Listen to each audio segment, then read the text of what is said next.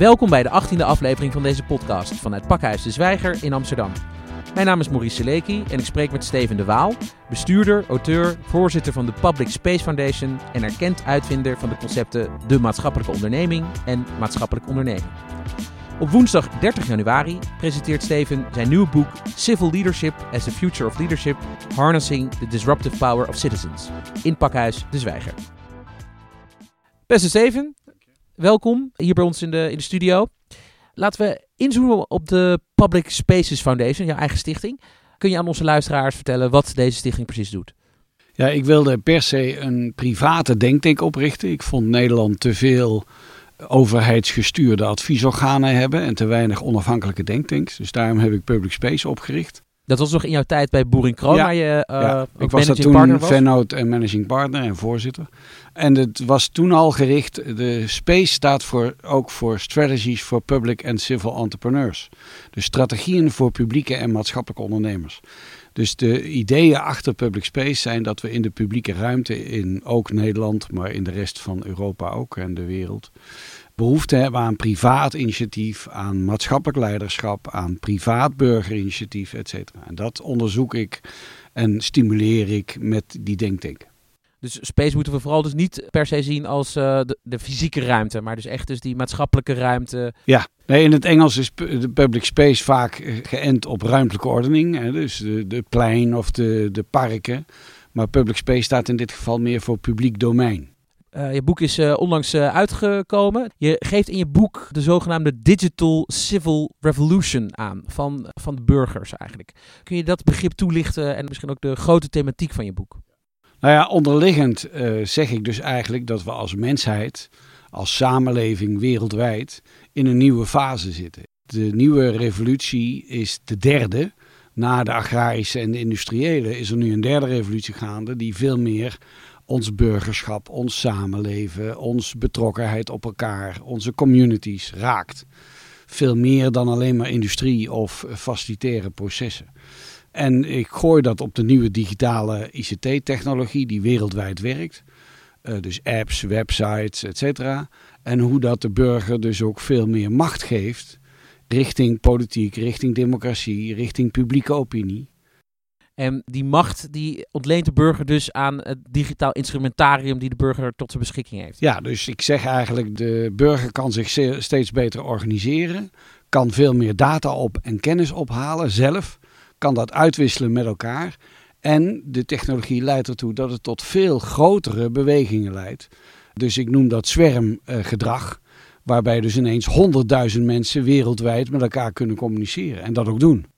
En kun je concreet voorbeelden in het recente verleden noemen? Of misschien in de actualiteit, waarin de, het zwermgedrag eh, tot een bepaalde ontwikkeling leidt? Ja, het meest bekende voorbeeld, wat in ieder geval iedereen nu doorheeft dat het politiek relevant is, is natuurlijk de gele hesjesaffaire in Frankrijk.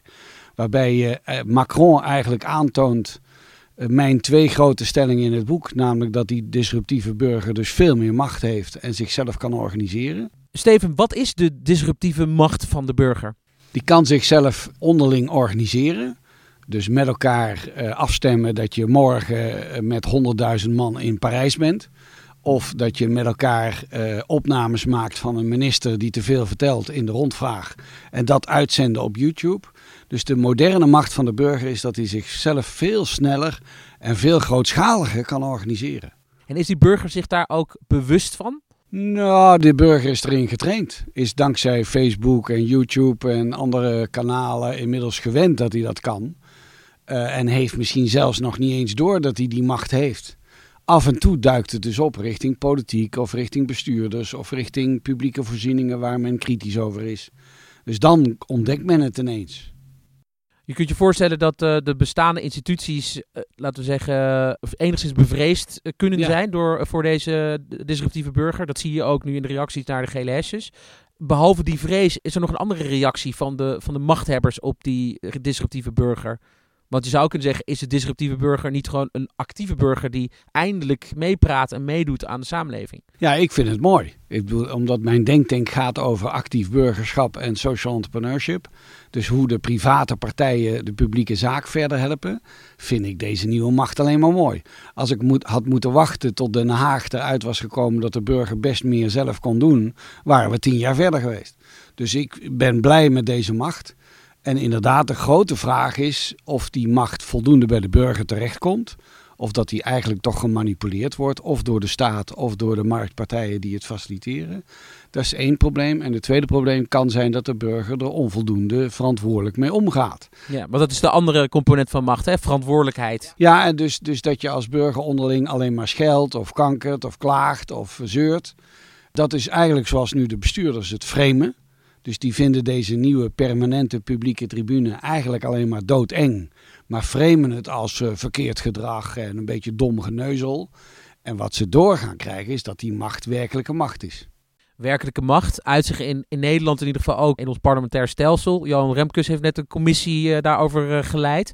En je komt er toch niet echt tot, laten we zeggen, nieuwe instrumenten voor die burger. Want ze kunnen dus in de media veel roepen en op sociale media veel roepen. Ze kunnen barricaden uh, beklimmen en ze kunnen een protest organiseren. Maar uh, er kan bijvoorbeeld niet meer in een referendum gestemd worden over een bepaalde maatregel of over een bepaald beleid. Hoe zie jij dat? Nou ja, dat is de dommigheid van dit hele kabinet. Dat ze denken de referenda te kunnen afschaffen. Kijk, waar ze over gaan en waar ook Remkes over gaat, is de constitutionele positie van een referendum.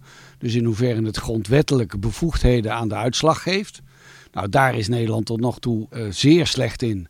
Omdat er mee gedraaid wordt en het uh, genuanceerd wordt na afloop en de vraag niet goed is. Dus we gaan als kabinetten en parlement verkeerd om met de huidige referenda. En vervolgens blijkt dat een argument om de referenda af te schaffen, wat ze niet kunnen. Want er is elke dag een referendum mogelijk. Elke dag een referendum mogelijk als ja. het wordt aangevraagd met genoeg handtekeningen? Nee, nee, nee, nee, nee. gewoon online. Dus uh, meneer Stef Blok heeft nu meegemaakt dat hij permanent wordt beoordeeld door het publiek. En dus minister kan leuk zitten en wordt in stand gehouden door zijn partij. Maar de macht van hem neemt drastisch af en het gezag zeker. Ah, interessant. Dus je bedoelt dat in de publieke opinie eigenlijk uh, de burger gewoon al lang heeft afgerekend met iemand als Blok bijvoorbeeld? Ja, wat ik daarover zeg in het boek is dat de publieke opinie voor het eerst werkelijk publiek is. Dus er zitten geen professionals meer tussen. Journalisten, experts, deskundigen, politici zelf, die jou uitleggen wat je moet denken. Dus de, voor het eerst is de publieke opinie iets wat men onderling gewoon kan afstemmen en zelfs kan meten met allerlei likes en dislikes hoe groot het is. Welk advies zou jij eigenlijk de commissie Remkes, laten we daar uh, dan op uh, toespitsen, uh, willen meegeven om die disruptieve burger in 2019 toch ja, meer invloed op het officiële proces mee te geven? Ja, wat, wat eigenlijk zou kunnen, wat het meest zou passen bij de moderne advocatie die ontstaat door deze nieuwe media, is gewoon elke dag een mogelijk referendum hebben. En er dan vooraf wel beloven wat je ermee doet. Dat is de grote fout die tot nog toe met de referenda gemaakt is, dat er niks beloofd werd. Dus dat het raadgevend was, bijvoorbeeld? Ja, of ja. dat je als je in meerderheid voor iets was, dan ging Rutte uitleggen dat het toch tegen was. Dat gaat niet meer, omdat tegenwoordig die uitslag meteen bekend is. En het tweede wat in Remkes ontbreekt, wat ik in mijn boek wel analyseer, is dat de eerste disruptie plaatsvindt bij de politieke partijen zelf. De politieke partijen hebben straks veel minder macht over kandidaatstelling. Dat zag je al bij Trump. Trump werd kandidaat buiten de Republikeinse Partij om. Omdat hij steun had op Twitter en social media en tv. En de kranten gingen pas over hem schrijven toen die steun heel groot werd. Dus Trump heeft aangetoond dat hij de Republikeinse Partij eigenlijk helemaal niet nodig had. Hij had hem nodig voor de formele kandidaatstelling. Zijn er in Nederland ook voorbeelden, à la Trump, die eigenlijk als een uh, buitenstaander is? Bedoel, een Thierry Baudet, is dat ook een Trump-achtig figuur? Nee, ik vind de meest uh, charismatische die we daarin gehad hebben is Pim Fortuyn. Die in één keer bij, als nieuwkomer zo'n beetje 30% van de zetels naar zich toe haalde. Kijk, die had minister-president kunnen ja, worden? Ja, dan, dan, dan ben je disrupterend. En die kwam mede voort uit van buiten toen waren de social media nog minder groot, maar door zijn steun en door zijn enorm uh, camera-charisma. Uh, Baudet is een leuke nieuwkomer, maar heeft maar twee zeteltjes. En in die zin telt dat niet zo. Maar hij heeft wel een beetje diezelfde ideeën over dat de referenda ertoe doen. En dat de directe democratie groter moet worden. En in die zin zit hij wel een beetje op de goede lijn. Directe democratie heeft in het hele recente verleden geleid tot uh, iets waar we in maart van gaan zien wat het uiteindelijke gevolg zal zijn: de Brexit. Want waarom die kaas natuurlijk interessant is, is omdat, je noemde net al, er kan misbruik gemaakt worden door allerlei partijen om die publieke opinie te beïnvloeden. En dat is natuurlijk in de brexit ook gebeurd. Fake news over wat de kosten van de Europese Unie waren. Hoe kijk je daar tegenaan, die risico's? Hoe kan je dat verankeren dat het veilig blijft? Ja, dat is de vraag. Ik, ik heb die discussies veel in mijn lezingen. Natuurlijk, er is een groep die weldenkend is en dit er als technologie wel op zich af ziet komen, maar eigenlijk een beetje er huiverig voor is, omdat die tribune is ten dele ook een volkstribune. Dus er worden dingen gezegd die men helemaal niet gewend is. En de publieke opinie blijkt inmiddels heel anders dan men dacht dat die was, omdat men afging op die deskundigen. Dus dat is gaande. Alleen ik hou dat publiek meestal voor dat ze niet doorhebben hoe sterk de oude media erg werden gemanipuleerd. Dus de tv, radio, kranten werden allemaal gemanipuleerd doordat een klein circuit van politici en eh, professionals, journalisten, met elkaar moesten verkeren. Dus het breekt open. En ik hoor dat ook journalisten zeggen, dat ze nu dankzij de social media veel beter weten wat er buiten op straat leeft. En eh, niet alleen de social media, maar ook de, de politiek. Want er stond laatst in de NRC een artikel over de social media managers uh, van de ministeries. Die de, de mood zeg maar, van het land in de gaten houden, verschillende communities. Dat is dan een voorbeeld, dat het wel serieus wordt genomen. Zijn er nog andere voorbeelden van, naar jou weten? Nee, ik heb dat ook gezien, dat klopt. Dat, maar dat is bij bedrijfsleven natuurlijk ook al een uh, jaar of tien het geval. Dat ze speciale social media uh, desken hebben die het volgen. Ik maak nu nog steeds mee, ik weet niet of jullie dat ook doen, maar ik maak nog steeds mee als ik een klacht heb over een bedrijf. Dan kan ik eindeloos bellen, krijg callcentra aan de lijn, helpdesk aan de lijn. Als ik er dan één Twitter aan wijd, word ik meteen teruggebeld. Ja, omdat het publiek is, omdat het transparant is. En dat gaat de politiek ook merken. Dat ze dus merken dat die openlijke discussies, die worden ook gevolgd in hun argumenten, in hun aanhang. En dat gaat een enorme dominerende invloed hebben op de agenda van partijen als de Tweede Kamer. Dus zij gaan in hun agenda de social media volgen. En daardoor versterken ze ook het effect. Maar je zou zeggen dat bijvoorbeeld bij een bedrijf als ING, waar een uh, loonsverhoging van Ralf Hamers ja, natuurlijk tot heel veel ophef heeft geleid, dat hadden ze van tevoren natuurlijk kunnen weten. Of tenminste, hadden dat kunnen onderzoeken, maar dat hebben ze dan blijkbaar niet gedaan. Dat is de reden waarom ik zeg het grote strategische antwoord op deze nieuwe technologie en deze nieuwe macht van de burger zal van leiderschap moeten komen. Het maatschappelijk leiderschap wat daarvoor nodig is. En dat zag je ook bij de ING-beloningscasus volledig fout gaan omdat de argumenten van de president-commissaris alleen maar economisch waren en naar binnen kijkend. En, en ook nog meende dat er een markt was voor managers wereldwijd, wat onzin is. Die maatschappelijk leider, want dat is natuurlijk ook een, eh, een begrip wat centraal staat in jouw boek. Kan je aan onze luisteraars uitleggen wat een maatschappelijk leider is en waar moet een maatschappelijk leider aan voldoen?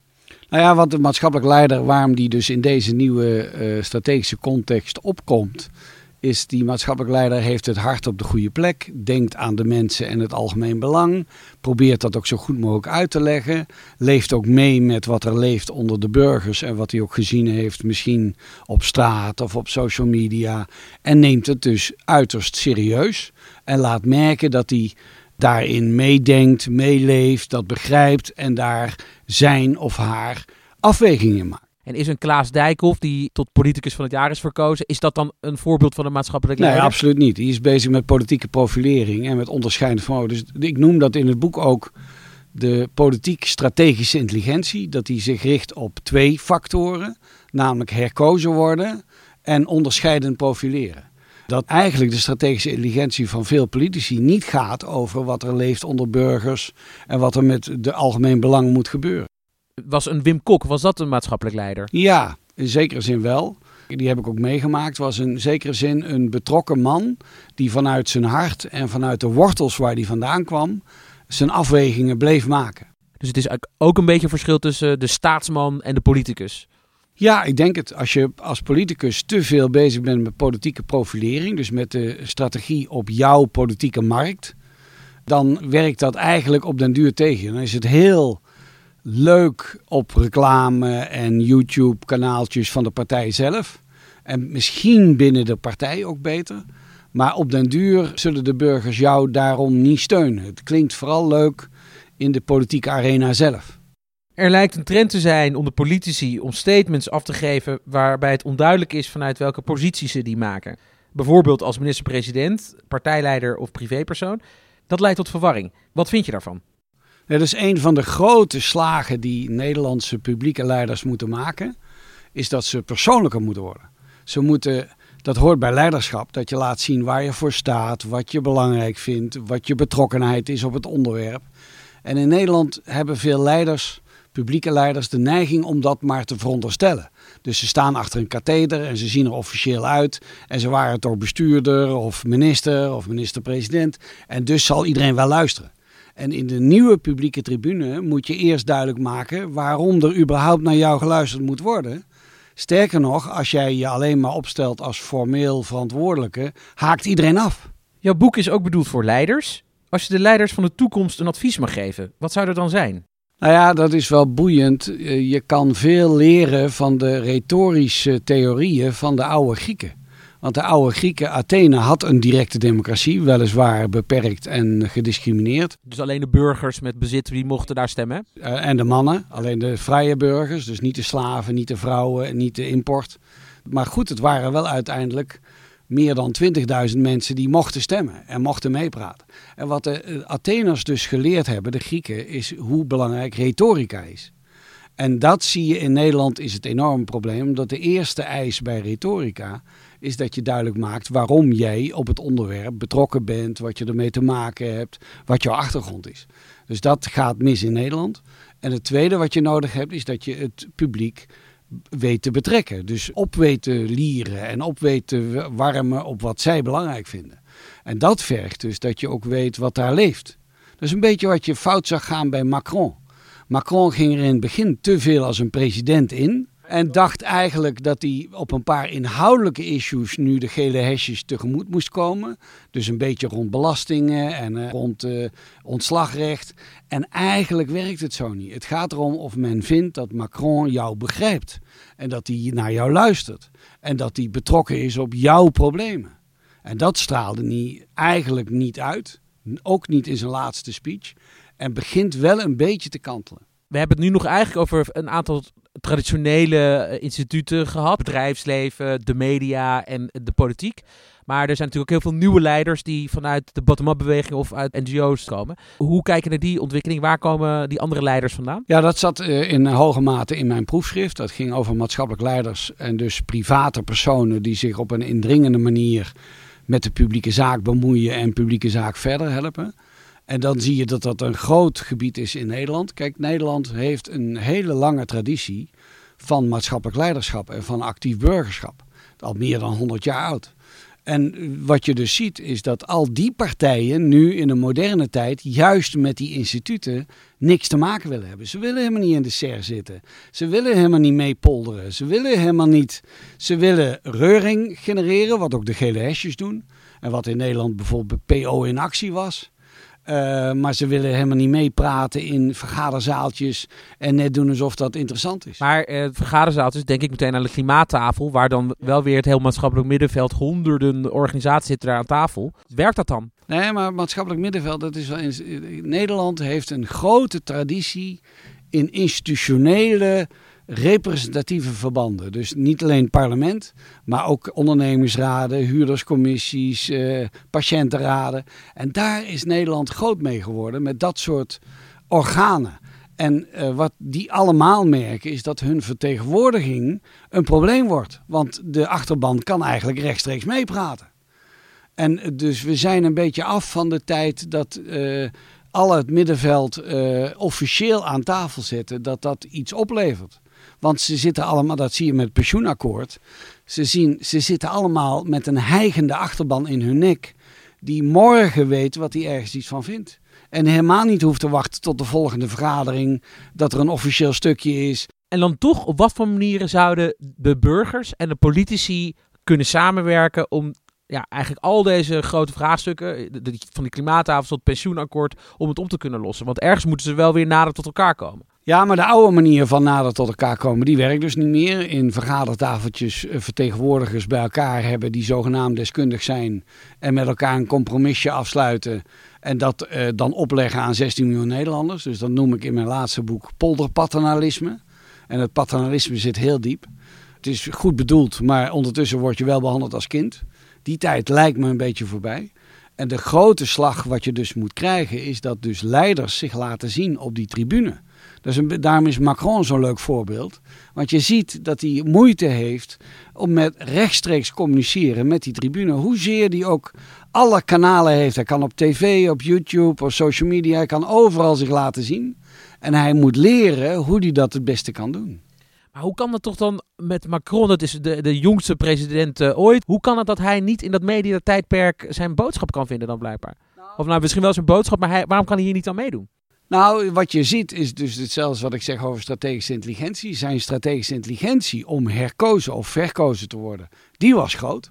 Dus hij wist goed hoe je campagne moest voeren, hoe je daarbij social media moest gebruiken. Hij werd dus, wat ik ook in het boek analyseer, geholpen doordat de burgers onderling konden afstemmen dat een stem op hem niet verloren zou gaan. Dat is namelijk wat alle zittende politici wel de hele tijd zeiden. Hij kon dus aantonen dat hij genoeg steun had, waardoor hij uiteindelijk ook gekozen werd. En dus was die stem niet weg van elke kiezer. En wat hij nu merkt, is hoe hij omgaat met weerstand.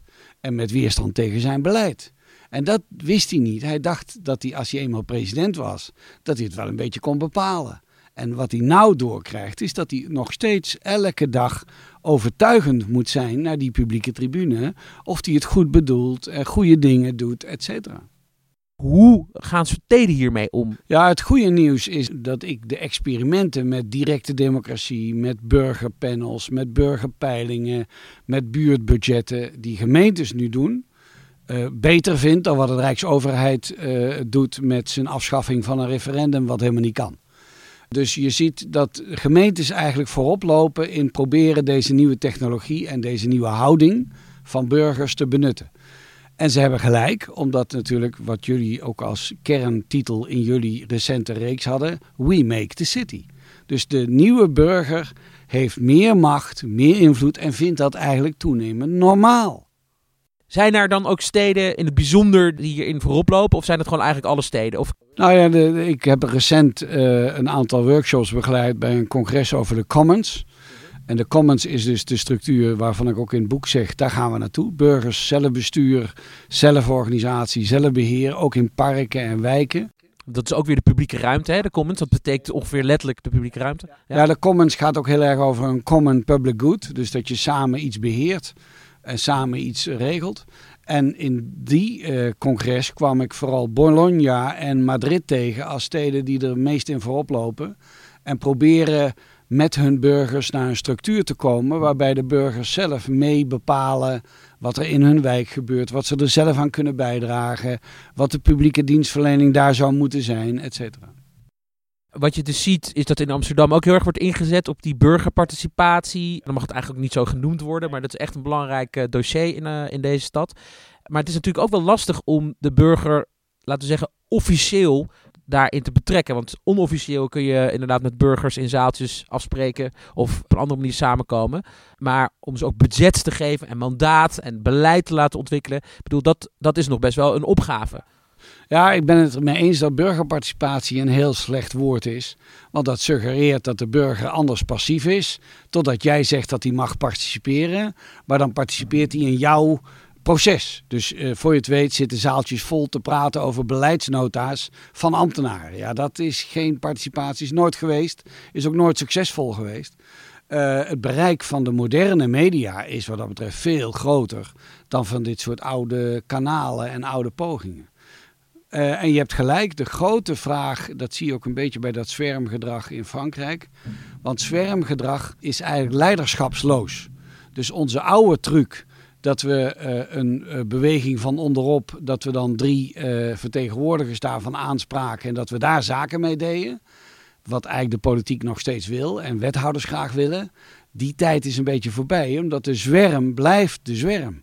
Met andere woorden, die drie leiders kunnen wel een beetje namens die zwerm wat zeggen, maar echt macht hebben ze niet. En hoe zit het dan met een mogelijk gekozen burgemeester? Ja, als je die direct zou kunnen kiezen, dan is dat natuurlijk iemand die het meest in het gezicht springt. Maar dat is er niet in Nederland. Zou dat een oplossing kunnen zijn? Nou, ik ben daarin verschoven. Ik was altijd heel erg voorstander van direct gekozen burgemeester. Omdat ik ervoor ben dat alle leiders ook draagvlak hebben uh, bij, uh, bij de kiezer. En ik in Nederland juist vind dat de personenbenoemingen eigenlijk te veel buiten de kiezer zitten. En de kiezer alleen maar over beleid praat als je niet uitkijkt. Dus programma's mag vaststellen. Uh, personen zijn in die zin veel crucialer dan programma's. Ik was altijd voor de direct gekozen burgemeester, maar ik ben gaan twijfelen rond het asielzoekersdebat. Omdat je daar zag dat die burgemeester die kon zeggen: Ja, maar uh, mensen, ik zit hier helemaal niet omdat ik herkozen moet worden. Ik zit hier om voor de stad na te denken wat we met de asielzoekers do doen.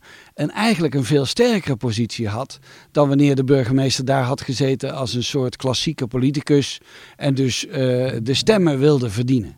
En dat werd hem ook verweten. Er, er, waren ook een aantal mensen in die zaaltjes die hem verweten die daar alleen maar zat omdat hij herkozen wilde worden. Dan kon hij dus keurig zeggen dat dat bij hem niet speelde. Dus de burgemeester is onafhankelijker eigenlijk in het huidige systeem. Ja, ik vind die, in die zin die moderne constructie. Uh, dus het is goed dat we af zijn van dat nationale kwartetspel. Waarbij uh, iedere partij een keer een burgemeester kreeg. Dat was een waardeloos systeem.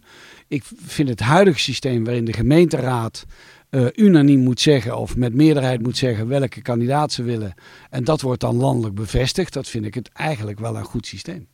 Als we nu al een soort takeaway van jou mogen meenemen uit het boek, wat kunnen wij concreet doen? Wij als actieve burgers die luisteren naar deze podcast. Ja, de actieve burgers kunnen zichzelf beter gaan organiseren dan ze al doen.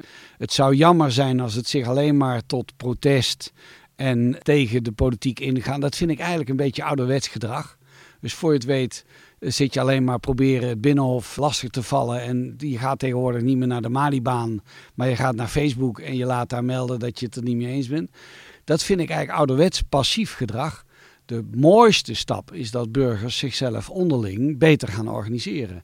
Dat hebben we al een beetje te zien rond uh, gezondheidszorg. Dus de thuiszorg wordt al toenemend door coöperaties gedaan van burgers. Energiesector, dat is natuurlijk jarenlang tegengehouden door de industrielobby. En is inmiddels opgekomen. Is ook een groot goed dat we dus zelf energie gaan regelen met elkaar onderling. En degene die het voortouw nemen is meegenomen. En rond het beheer van wijken zie je het ook groeien. Dus de grootste buurtapp ter wereld, uh, Neighborhood App, is, heeft 19.000 buurten wereldwijd. En daar zie je toenemend dat het niet alleen sociaal en veiligheid is, maar ook onderlinge steun, onderlinge uitwisseling, uh, over wijken en buurten wat daar moet gebeuren. En dat is wel de mooiste slag.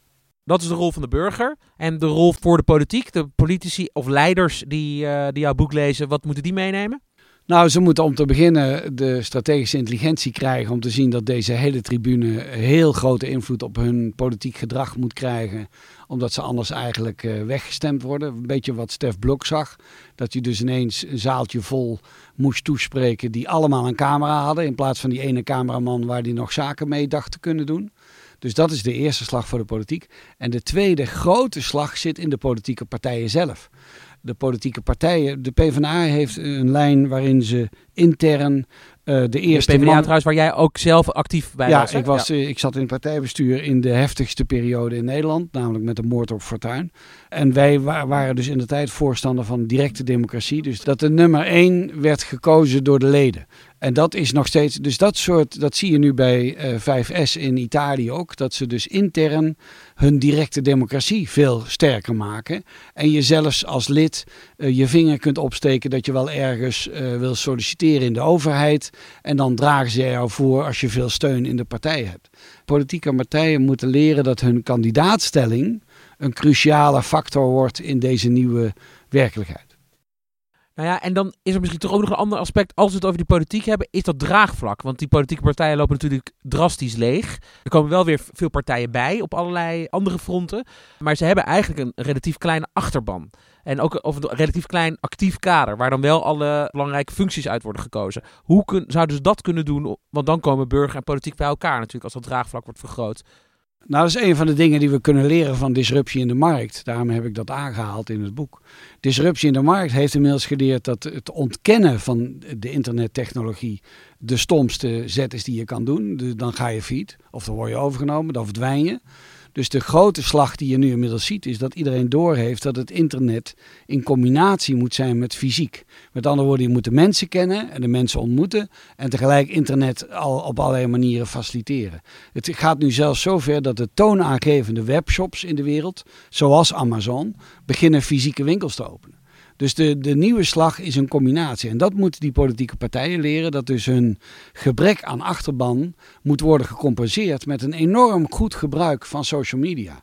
Omdat je via social media uh, eh, 16 miljoen Nederlanders kunt bereiken. Zou dat dan trouwens ook het advies zijn aan jouw eigen oude partij, de Partij van de Arbeid, die natuurlijk door deze hele disruptieve burger in de steek is gelaten de afgelopen tijd? Nou ja, het grote punt voor de PvdA, dus die heeft intern goed gezien dat je aan directe democratie moet werken. Dat hebben ze goed gedaan. Ze hebben inmiddels ook een congres waar je allemaal uh, van huis uit mee kunt stemmen over moties, amendementen. En uh, in die zin is de PvdA daar het meest in vooroplopend. Waar ze denk ik de grootste slag gemist hebben, is in het leiderschap.